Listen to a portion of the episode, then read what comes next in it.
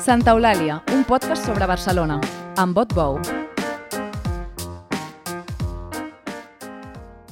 Vam començar aquest podcast, Santa Eulàlia, exactament 8 mesos abans de les eleccions municipals a l'Ajuntament de Barcelona. La idea era fer-nos les preguntes que al ple municipal quedaven desdibuixades. Parlar amb una certa profunditat de qüestions que no s'haurien de donar per mortes amb un simple bloc de debat electoral. Hem parlat de llengua, d'habitatge, de cultura, d'urbanisme, de capitalitat, i ara sembla que hi ha un canvi de cicle.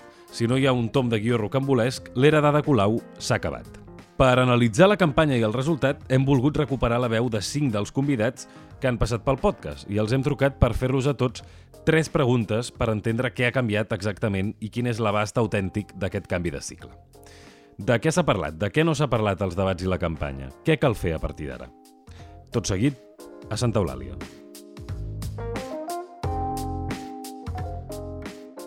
Doncs començarem amb la mirada política esmolada d'Antonio Baños, amb ell que acaba de publicar el llibre Barcelona no té solució, de Viena Edicions, i van parlar sobre els fracassos de la marca Barcelona i del model Barcelona, i de com la ciutat s'escola entre les mans dels barcelonins. Antonio Baños, ben tornat. Uh, moltes gràcies. Escolti, vostè, que- vostè que és periodista i a més a més amb això hi té traça, uh, no sé si, si podríem començar per un titular uh, resum que fes la fotografia del, del que ha passat aquesta campanya i aquestes eleccions, o al- alguna tesi, una reflexió amb la qual vostè es quedi. Home, jo podria aprofitar per vendre el llibre una, una vegada més i dir que la té solució, però ja seria una mica massa insistent no, sobre el tema. No, no, mai n'hi ha Però- prou, mai n'hi ha prou. Mai n'hi ha prou d'insistir-hi. El que sí que jo crec que ha quedat clar és que, mm, sobretot més que pels resultats pels debats i per les ofertes que han fet els candidats, és que pràcticament tots es poden resumir més o menys en un, en un mateix candidat, no? amb eh, diferència de, de postures una mica en campanya, però al final tots es poden avenir entre ells. El fet és que ara, quan estem gravant això, estan negociant tots entre tots a veure com, què fan, no? I aquesta sensació de que hi ha una candidatura única amb quatre noms eh, diferents. L'ha sorprès el resultat? Eh, no, eh, eh, jo crec que qualsevol dels, dels resultats esperats, és a dir, primer eh, Trias, primer eh, Collboni o primer Colau, era el que, el que tothom podia esperar i el, el, el, diguéssim, la gràcia estava en saber les sumes que es feien a partir de, o a partir o en contra del, que, del candidat que sortís primer. Però Trias era una de les, de les ofertes que estava a l'alça i més enllà de que va començar la nit electoral una mica així eh, no? per darrere, eh, és bastant lògic el, que, el resultat que ha donat. No? Potser la sorpresa és la gran baixada d'Esquerra, que jo crec que s'ha de llegir més en clau nacional que no barcelonina, i després eh, la doble, de, la, de les dues vegades que la CUP ja no aconsegueix entrar a Barcelona. Ah, un, un dels marcs o dels eixos que vam parlar, de, dels quals vostè parla en el seu llibre i que vam parlar a l'entrevista era aquest de, de creixement i de creixement, que és el, el, els blocs en què, per exemple, l'alcaldessa la, la, de Colau ha intentat situar el debat. Uh, sí. Entenc que aquesta cosa del, del, del candidat amb quatre noms diferents uh, li fa pensar que, que, que, que aquests eixos, el, els debats que hi ha hagut sobre aquests eixos no eren tan autèntics o tan sincers com que plantejaven no. els candidats. No, podríem dir que era la hidra del maragallisme amb quatre, amb quatre caps, no? per dir-ho d'alguna manera més, més terrible. No, perquè hi ha una cosa molt curiosa. Avui llegia que l'amo d'aquesta tonteria de la Copa Amèrica eh, deia que igual es quedaven a Barcelona per fer-la cada o, o sé, una cosa així, no? És a dir, per exemple, el, el tema de la Copa Amèrica va desaparèixer absolutament de la campanya perquè no interessava a ningú, excepte que la Vanguardia, fins al final, que la Vanguardia va publicar aquella fotografia amb tots tocant la Copa Amèrica. Mm. És a dir, que al final hi havia eh, 15 dies on tothom somiava eh, el seu espai ideal, però al final la, es desmentia per la seva acció de govern. I dic que Collboni i Colau, especialment, que són els últims en, en governar. No? És a dir, tu pots parlar molt de decreixement, però les xifres d'aquests últims vuit anys no, no són així. Eh, S'ha intentat, diguéssim, que el creixement no sigui tan exponencial, això és cert, però s'ha intentat sense gaire traça, sobretot perquè la ciutat no té cap poder legislatiu sobre si mateixa. No? Què, què ha trobat a faltar més durant la campanya? De què no s'ha parlat prou? Jo crec que eh, jo crec que el que he trobat a faltar és que semblava que cap dels quatre vivia a Barcelona o sabia en quina ciutat estava. Jo crec que hi havia una sensació, o bueno, ho he comentat amb alguna gent i jo l'he tinguda també, eh? una sensació de que els quatre estan parlant d'una ciutat que no és la que, o almenys d'un esperit de ciutat que no és el que estem patint i vivint els, els barcelonins d'avui en dia. No? Jo crec que de, és bastant destacable la sensació de provisionalitat que té un barceloní, que no sap on acabarà d'aquí tres anys a vivir, a viure, eh, la sensació d'incertesa en general sobre la vida a la ciutat, eh, la sensació d'agressió constant pels poders econòmics, pel turisme, pels expats, per la, eh, és a dir, per les indústries eh, aquestes de, de tecnològiques, de les quals un no pot rascar res. I tot aquest sentiment de neguit, de por, de, de, de, de temença i de fins i tot de ràbia, no es veia les, als debats i a la campanya. No? Hi havia una espècie de, com de, d'optimisme cap al futur, esplendorós, amb una mirada gloriosa al passat, que no tenia res a veure, jo crec, amb l'esperit que, que es viu a les carrers de Barcelona. I això m'ha frapat molt i m'ha o sigui, cridat molt d'atenció. I per què ho atribueix? Bueno, podríem dir a l'efecte catifa, no? per d'alguna manera, perquè és molt curiós que, per exemple, els que venien a, a derrotar la casta, en aquest cas a Barcelona en Comú, eh, doncs governessin en Collboni, durant 15 dies diguéssim que Collboni era a la dreta i ara estiguéssim ara estem parlant de que Collboni és una força progressista, per dir-ho d'alguna manera. No? És a dir, aquests tripijocs que tothom els entenia de la vella política eh, doncs s'han extès a la nova, que ja no és nova, que és una vella política. És a dir, la sensació de que tots estan eh, pactant, parlant, mm, pensant en clau eh, partidista o en clau diguéssim, de política institucional clàssica. No? I no hi ha cap renovació, cap mirada cap al carrer, cap intent de, de donar veu a nous moviments socials o, o, o això, o els neguits i les pors que la gent té. I llavors a, a mi m'ha decebut moltíssim el baixíssim nivell i, i diria la paraula, la baixíssima sensació de simpatia, d'empatia que tenen els candidats vers la població de la ciutat. I per resoldre aquesta, aquest dèficit d'atenció, diguem-ne, a les necessitats de la gent, que, quin creu que són els tres passos més importants que s'han de fer a partir d'ara, o els més urgents? No, m'agrada el del trastorn de dèficit d'atenció, sí. eh? està, està ben vist. Home, tres passos o, o, o 50 passos, vés a saber, no? O un pas molt gran no, home, eh, podria dir que se vayan todos, no? com diuen a l'Argentina, però clar, això ja, ja és impossible.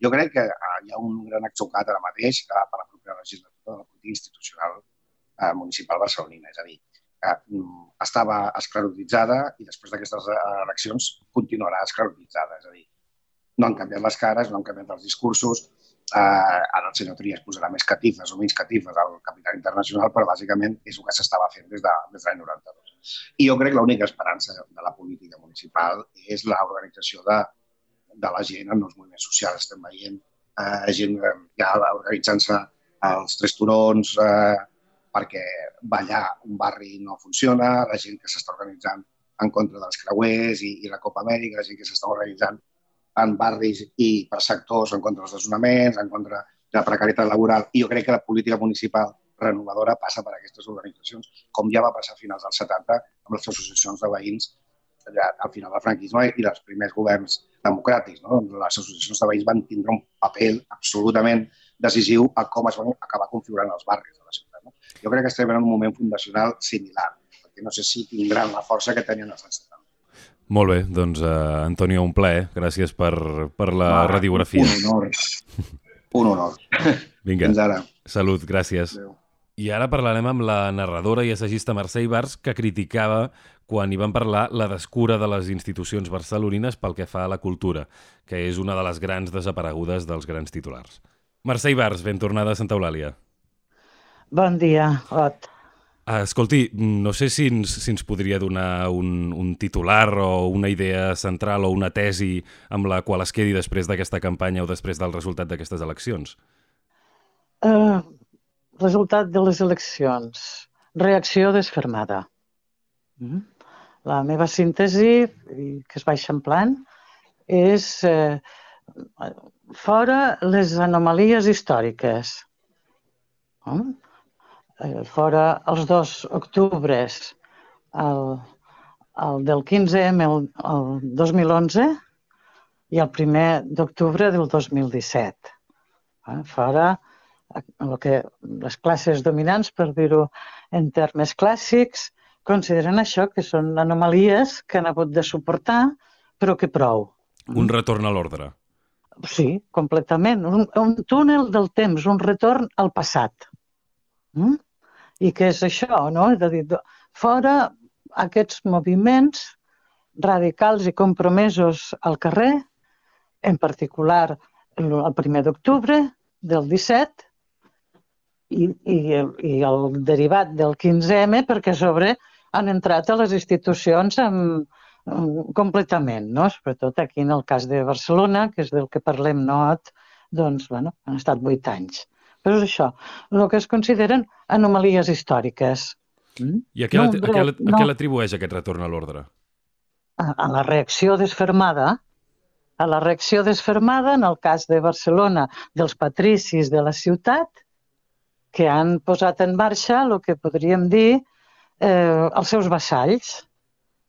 És a dir, tot l'aparell mediàtic i, 50, i segurament econòmic i, i no sé quantes coses més. En això, patriciat no pot perdre les coses així com així. S'han defensat. Totalment, del tot, i ho han aconseguit. Eh? perquè és clar que s'han defensat sempre, en aquest cas, si per, torno a dir que estic parlant de l'Ajuntament de Barcelona, no? Doncs és clar que s'han defensat des del primer moment que un activista esdevé alcaldessa. Mm? Com, per exemple, en les institucions, doncs, que un, un partit radical i compromès al carrer com la CUP entra al Parlament i a sobre pot decidir amb vostè vam parlar sobretot de, de cultura. Sí. Que ha estat una de les grans absències, sobretot en els debats Total. electorals i en els actes. Uh, què, què, què ha trobat més a faltar en, en aquest àmbit? Tot. Tot. De què li agradaria que s'hagués parlat més? De tot el que, el que passa en el món de la cultura. És que és un, és una, és un espai de la vida política com qualsevol altre. No, no es té per què deixar de banda. Mm -hmm. I, i se n'han deixat molts altres, no? Però si parlem de cultura, doncs és això, a mi que m'expliques? Que això d'entrada ja ve per, per, per la mateixa manca o desfeta del, del, del, de cultura política, de la cultura política. La política no és només eh, institucions i anar a votar que toca i així i així, sinó que construeix una cultura política entre en, en cada país i on, que, que pot ser diversa i variada, però mm, hi ha un sentiment, un sentit, més ben dit, del que és la, la política i això vol dir cultura política. Aquí està gairebé des, desapareixent, eh, no vull ser estratosfèricament apocalíptica, però cal plantejar-ho. Si, els, si en les campanyes no es parla per a res de les necessitats i prioritats de, de culturals, doncs estàs contribuint a desfer la cultura política. Per què, per què creu que no interessa que es parli d'aquestes necessitats? O a qui creu que no interessa? Eh, perquè, perquè no hi ha cultura política, torno a dir. I aleshores n'hi ha molt poca. I per tant, doncs, eh, encara es, es deuen considerar que, que la, la cultura, tal com nosaltres dos, per exemple, ara en aquests moments que estem parlant, ho podem entendre, doncs és una cosa com, un, com un ornament, no res que sigui important, sinó una cosa per, per, per lluir i prou.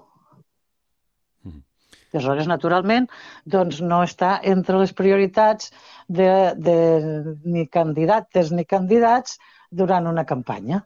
I la, la és subsidiària. Justament la tercera, la tercera pregunta que li volia fer és per revertir això o perquè la cultura tingui més pes, com a mínim en aquesta legislatura, eh, segons vostè, quins són els passos més urgents que s'han de fer a partir d'ara? Com que torno a la meva idea de cultura política, doncs eh, el més prioritari que jo trobo és habitatge, ensenyament i educació, atur juvenil, sanitat. I amb això, en, en, en què ens ajudarà, diguem-ne, eh, que, ha, que la, la cultura tingui més pes? És que, és que funciona així, eh? Funciona així. És a dir, quan, quan, per, si, quan les persones tenen les necessitats cobertes o el màxim de cobertes o, o, o es va rectificant en totes les, les polítiques socials que han destrossat tots aquests, aquests àmbits que, que estava dient, doncs tenen més opció a plantejar-se la cultura com a nodriment de, de tot, de, de, de l'esperit, de, la, de la consciència política, de la nació, de la, de la llengua en què, en, en, en què vius, etc etc. És a dir, millorar el, millorar el benestar per poder tornar a parlar de cultura. És que, és que el benestar està, és, eh, està molt desfet, eh? I per tant, doncs, no et diré que, no, que la cultura no sigui tan, tan important com, com l'ensenyament o l'educació, que mira, que el que acabem de saber sobre la comprensió lectora eh, dels, de les criatures, doncs és clar que és important la cultura, eh, però que està relacionada amb això. És a dir, si no sabem llegir, no entenem el que, el que llegim, eh, doncs és que no ho entendrem de criatures, doncs és que no entendrem res més i és el que està passant, és el que està passant en els adults, que la seva comprensió, que la comprensió lectora de la majoria, de la gran majoria d'adults i, de, i molts votants, doncs, mm, en fi, brilla sovint per la seva absència. Doncs un bon retrat, Mercè. Moltes gràcies. Uh, tornem a parlar aviat i et llegim. Gràcies a vosaltres, Ot. Gràcies, salutacions. Continuem. Ara una altra de les qüestions amagades durant la campanya, a banda de la cultura, que és la llengua. A Santa Eulàlia en vam parlar amb el filòleg Pau Vidal, que ens va retratar els problemes del bilingüisme asimètric i els canvis en l'accent barceloní. Pau Vidal, ben tornat a Santa Eulàlia. Merci, bon dia. Comencem per un, per un titular, una idea, una reflexió general amb la qual, que, que vostè voldria subratllar de la campanya electoral i de les eleccions. En, en l'àmbit de llengua, que és el que vam parlar amb vostè, o en qualsevol altre? M'ho posem molt fàcil perquè el titular podria ser la llengua i el silenci, o la llengua que no es parla, o fins i tot eh, la llengua silenciada, que em penso que ja és titular d'aquell famós reportatge sobre el català al capcir. Mm -hmm. I per, per què creieu que no se n'ha parlat tant? Per què creu que no se n'ha parlat? Home, mm, pel motiu de sempre. No se'n parla perquè eh, és sinònim de conflicte i com que continuem encallats en la mateixa visió de fa 40 o aviat poder 50 anys, no? Eh, llavors això no es resol i l'estructura mental és alerta, perquè si treus la llengua hi haurà raons. I per tant eh, es mira de fer veure que el conflicte no existeix, eh, senz senzillament no parlant-ne. Per tant, eh, això deia el titular, no? És la llengua sobre la qual no es fa servir llengua, diguem. Passa una cosa que és que els candidats tampoc s'han sentit especialment interpel·lats a parlar-ne. Això, això a mi em resulta curiós, eh? perquè precisament estem eh, teòricament aplicant o, o com a mínim discutint com s'han d'aplicar eh, algunes de les mesures que formaven part del Pacte Nacional, cosa que, de fet, si ens posem pere punyetes, ja seria una demostració eh, que el Pacte Nacional per la Llengua aquest, que mm, recordo que es, es, es promou des de la Secretaria General, eh, és una mica com la famosa taula de diàleg, no? és un foc d'encenalls, perquè si ningú els colla, si ningú els hi fa veure que efectivament aquest és un tema candent, si ningú els hi diu que hi ha molta gent esperant al darrere d'això i, i, i no passa res, perquè no passa res, eh, em sembla que és, és, és una mostra més de la catalana eh, del, del segle de la no, dels temps d'ara, no? que és tot, de, és tot postís, no? Mm -hmm. Eh, esclar, tam també passa que normalment la llengua en la resta de campanyes, eh, a diferència de l'eix nacional, per exemple, que en les campanyes de les eleccions al Parlament de Catalunya sí que se'n parla més, i aquí ha estat més clara la seva desaparició, la llengua és, és bastant estructural que desaparegui dels debats. Potser perquè la gent no té tan clar mm, quines haurien de ser les polítiques, quines haurien de ser els mecanismes, les solucions, o, o per què? És curiós perquè uh, una, de les, una de les línies uh, directives principals del pacte que dèiem, i en general de l'estudi sociolingüístic, uh, és el fet que estem tan estancats, per no dir reculant, en molt bona part perquè aquesta falta de consciència de la situació, és a dir, la gran majoria de la població del país no és conscient um, de com està realment la, la qüestió. Um, I clar, amb, aquest, amb aquesta actitud ho retroalimentem, no? és a dir, fem el contrari del que en aquell pacte i en general en tots els estudis sociolingüístics es diu no? que, és un, que, és un, que és un element necessari. Uh, jo crec que des del punt de vista de la propaganda pro-bilingüista uh, és un èxit eh, que continuï sent així.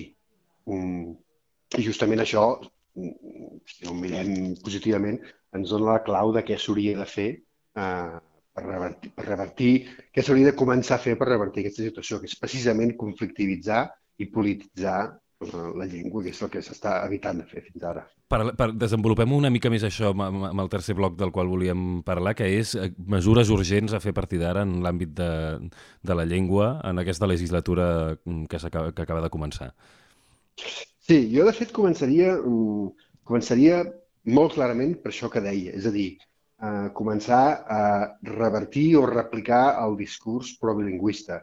És a dir, agafar d'una vegada el toro per les, per les banyes, i aquesta és una banya delicada i que fa mal, però que l'has d'agafar, i, i començar a dir, molt bé, durant aquests 40 anys ja hem fet aquesta estratègia per això i per això i per allò. Ara, vist que la situació és aquesta, per tant, sapigueu que era una estratègia, diguéssim, eh, política, però eh, la realitat científica diu això.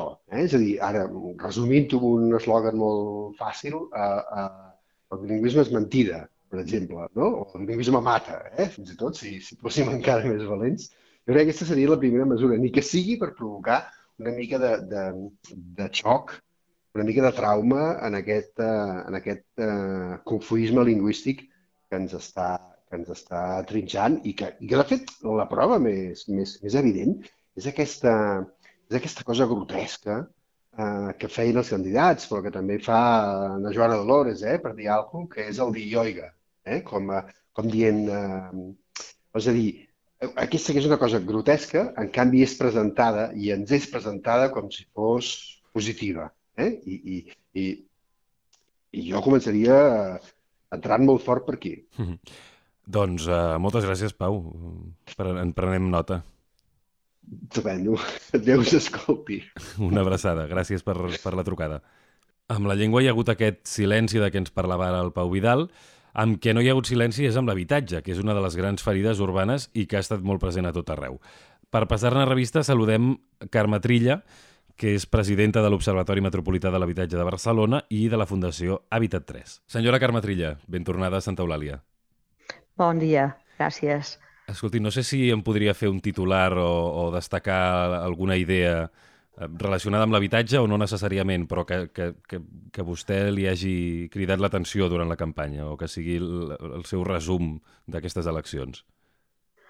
Bé, clar, bueno, el resum de les eleccions és una mica complicat, però pel que fa a habitatge sí que eh, hi ha hagut un, ha cridat l'atenció el fet de la gran importància que ha tingut el tema en tots els debats Eh? O sigui, en els programes electorals no ho sé, però en els debats sí que ha passat a ser gairebé un tema estrella, que, que potser això era previsible, perquè doncs, la, la situació de preocupació social és molt gran i això s'ha vist reflectit clarament eh, en, el, en, en com, en, en per reactiva, per passiva, eh, amb atacs, eh, sense atacs, amb fórmules proposades, però l'habitatge ha sigut un dels, un dels punts claus dels debats. Amb un grau de, de concreció tècnica, a més a més, bastant inhabitual. Sí, sí. En alguns casos sí, efectivament perquè bueno, alguns grups havien treballat molt les, com poder corregir eh, doncs, coses que no estan funcionant, com poder fer propostes doncs, precisament com a, com a responsables municipals en el que tinguin a les seves mans i en alguns casos, doncs, efectivament, hi ha hagut bastanta concreció, sí. La sorpresa que se'n parlés tant? No, a mi no m'ha sorprès perquè, perquè crec que justament s'han produït aquestes eleccions en un moment de, de que s'acabava d'aprovar precisament la llei estatal d'habitatge i en un moment en el que doncs, hi ha una preocupació molt gran amb el tema dels preus dels lloguers i de les situacions diverses derivades del lloguer. No? I llavors això normalment doncs, passa més desapercebut, però en el moment de les eleccions és lògic que hagi sortit, sí. Entenc que, per tant, està satisfeta que se n'hagi parlat, però eh, hi ha alguna cosa que, que vostè eh, hagi trobat a faltar algun, algun Sí, àmbit de sí. debat?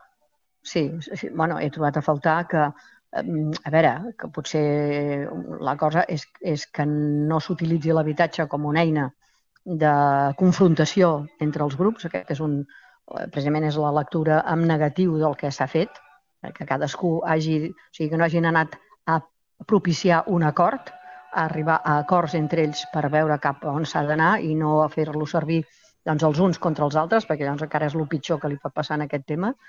I l'altre aspecte és que segurament no s'ha incidit prou amb la necessitat d'in- d'incrementar els pressupostos públics en habitatge. O sigui, un compromís, ja sé que els ajuntaments eh, això ho tenen malament, però d'alguna forma eh, hi hauria d'haver-hi una corresponsabilització d'incrementar els recursos públics perquè és que si no doncs no es poden fer polítiques d'habitatge i aquest és un tema doncs, mm, doncs que ha sortit poc.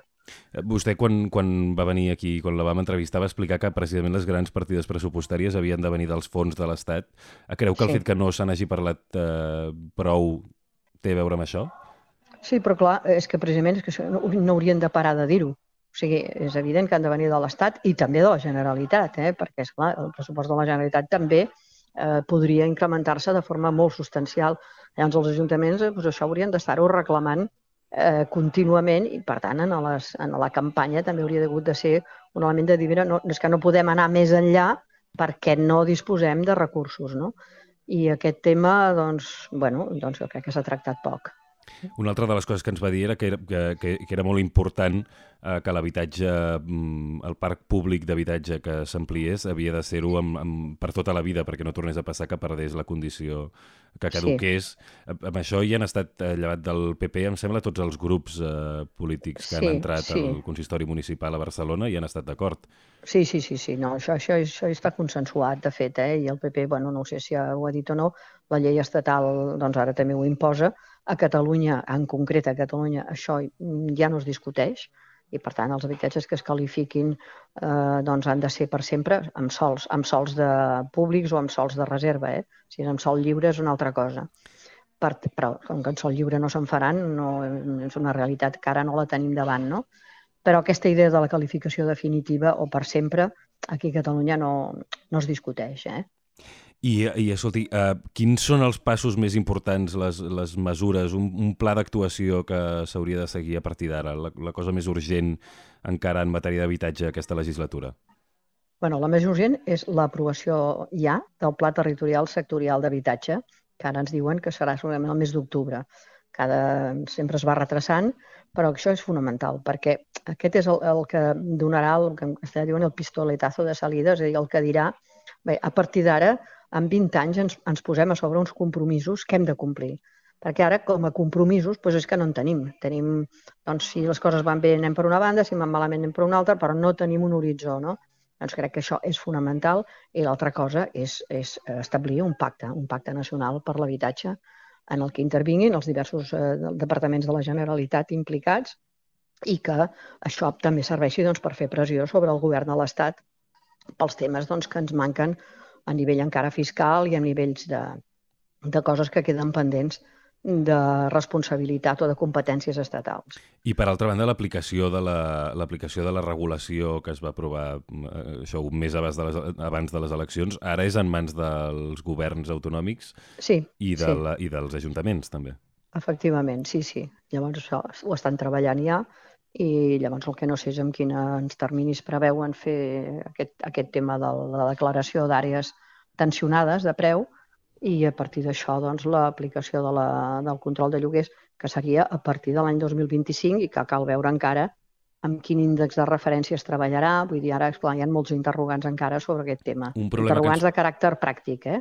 Un problema que ens podem trobar eh, és que hi hagi ajuntaments, per exemple, que no ho apliquin o que no facin els tràmits per aplicar-ho? Sí, sí, sí, sí, clar, perquè és que això ha de ser, jo crec que ha de ser proposta de l'Ajuntament. És l'Ajuntament el que finalment doncs, eh, aplica la, el control de lloguers. El que passa que la declaració de- d'àrea tensionada eh, serà declarada per la Generalitat.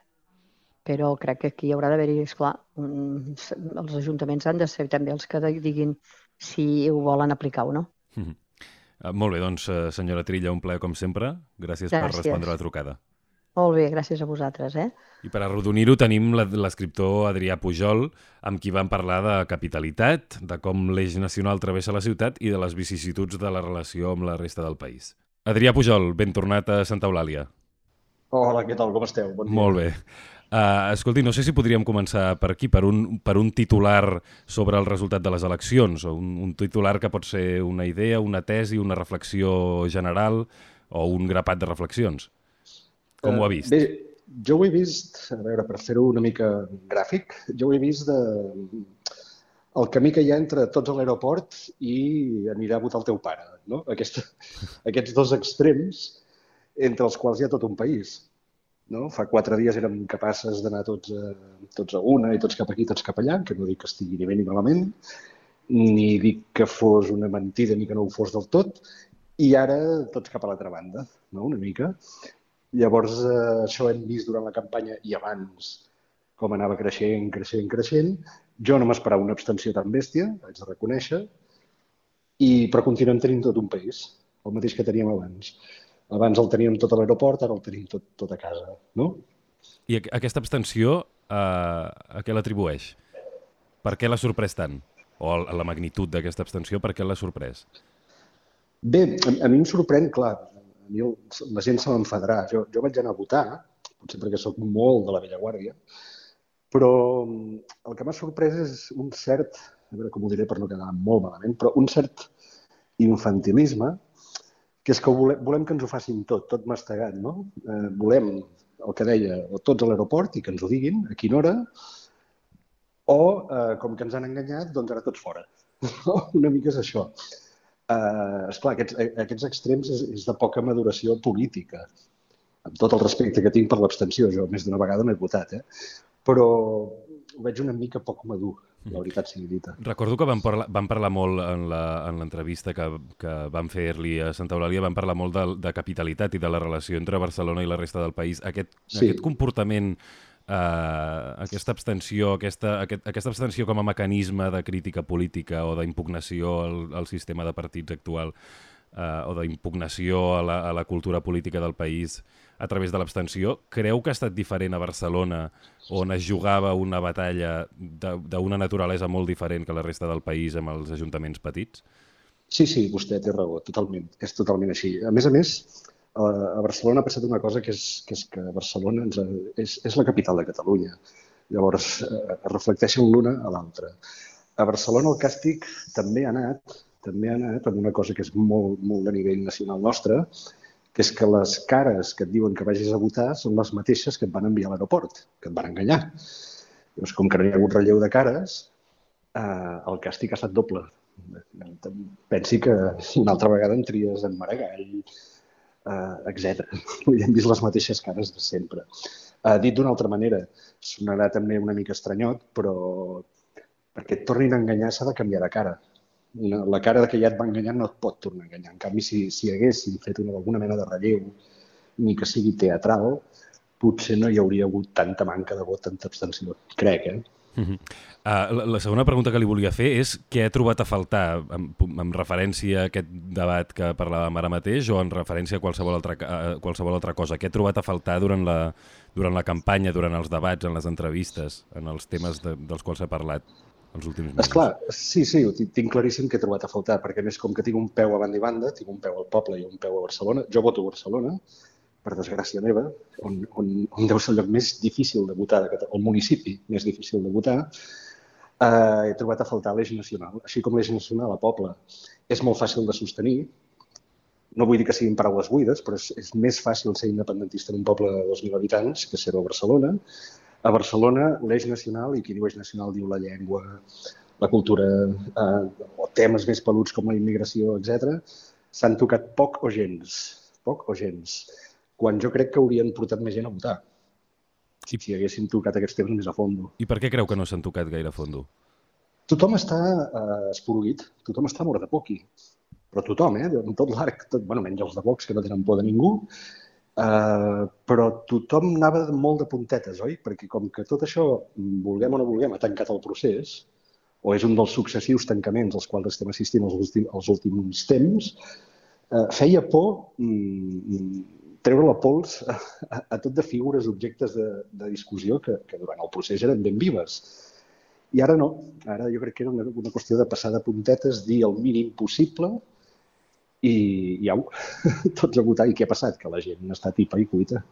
Doncs escolti, uh, proposi'm, si, si és que l'ha pensat o que el té clar, un pla d'actuació a partir d'ara. Tres o quatre coses que s'haurien de fer uh, per sortir d'aquest atzucac. Bé, jo em trobo amb, com es deu trobar la majoria de gent que, que es dedica a la política. Jo no, no m'hi dedico, però em trobo que el llenguatge eh, o els conceptes eh, estan tan, tan llimats, tan llapats, que qualsevol cosa que diguis en, en la direcció, de no ho sé, de la reconstrucció nacional ja sona carrincló. En direcció eh, pel camí de recuperar la llengua, enfortir la llengua, etc davant de les últimes dades, no? de comprensió lectora dels catalans, també sona llapat. És a dir, estem en una situació de, de, on es digui el que es digui, en clau propositiva, sona eh, o antic o a mentida. Per tant, les meves propostes, sap greu, eh? però, però totes sonen així. Ja n'he dit dues, tres, tornar a posar l'eix nacional al mig, però al mig de tot. Vull dir, Parlar-ne. Parlar-ne, parlar-ne fins, fins, que, fins que l'esgotem. I tres, home, potser fer una mica, si som un país europeu, com ens estem dient a nosaltres mateixos des de fa tants anys, parlar del que s'està parlant als parlaments europeus. I això vol dir parlar d'immigració, vol dir parlar de drets i deures, vol dir parlar de tantes coses, a més a més sense un estat al darrere, que una vegada més crea aquesta mena d'esquizofrènia que és que parles de coses que no pots canviar. Molt bé, doncs uh, gràcies pel diagnòstic, Adrià, gràcies per, per parlar amb nosaltres. A vosaltres, que vagi molt bé. Una abraçada. Doncs aquest és el paisatge que dibuixen els nostres convidats, entre la continuïtat i el retorn a l'ordre, amb grans problemes ocultats i poques escletxes que s'obrin. Fins i tot, com deia Banyos, una mena de realitat paral·lela entre els marcs mentals dels candidats i els problemes de fons que la ciutat s'ha d'afanyar a encarar. La raó, mal ens està de dir-ho, per la qual va néixer precisament aquest podcast. Encara les crisis troncals, més enllà del ple, amb la mirada dels experts. Gràcies, com sempre, per escoltar-nos. Santa Eulàlia és un podcast de VilaWeb presentat per Otbou amb Carles Garcia al servei tècnic i a les veus Maria Castanyer.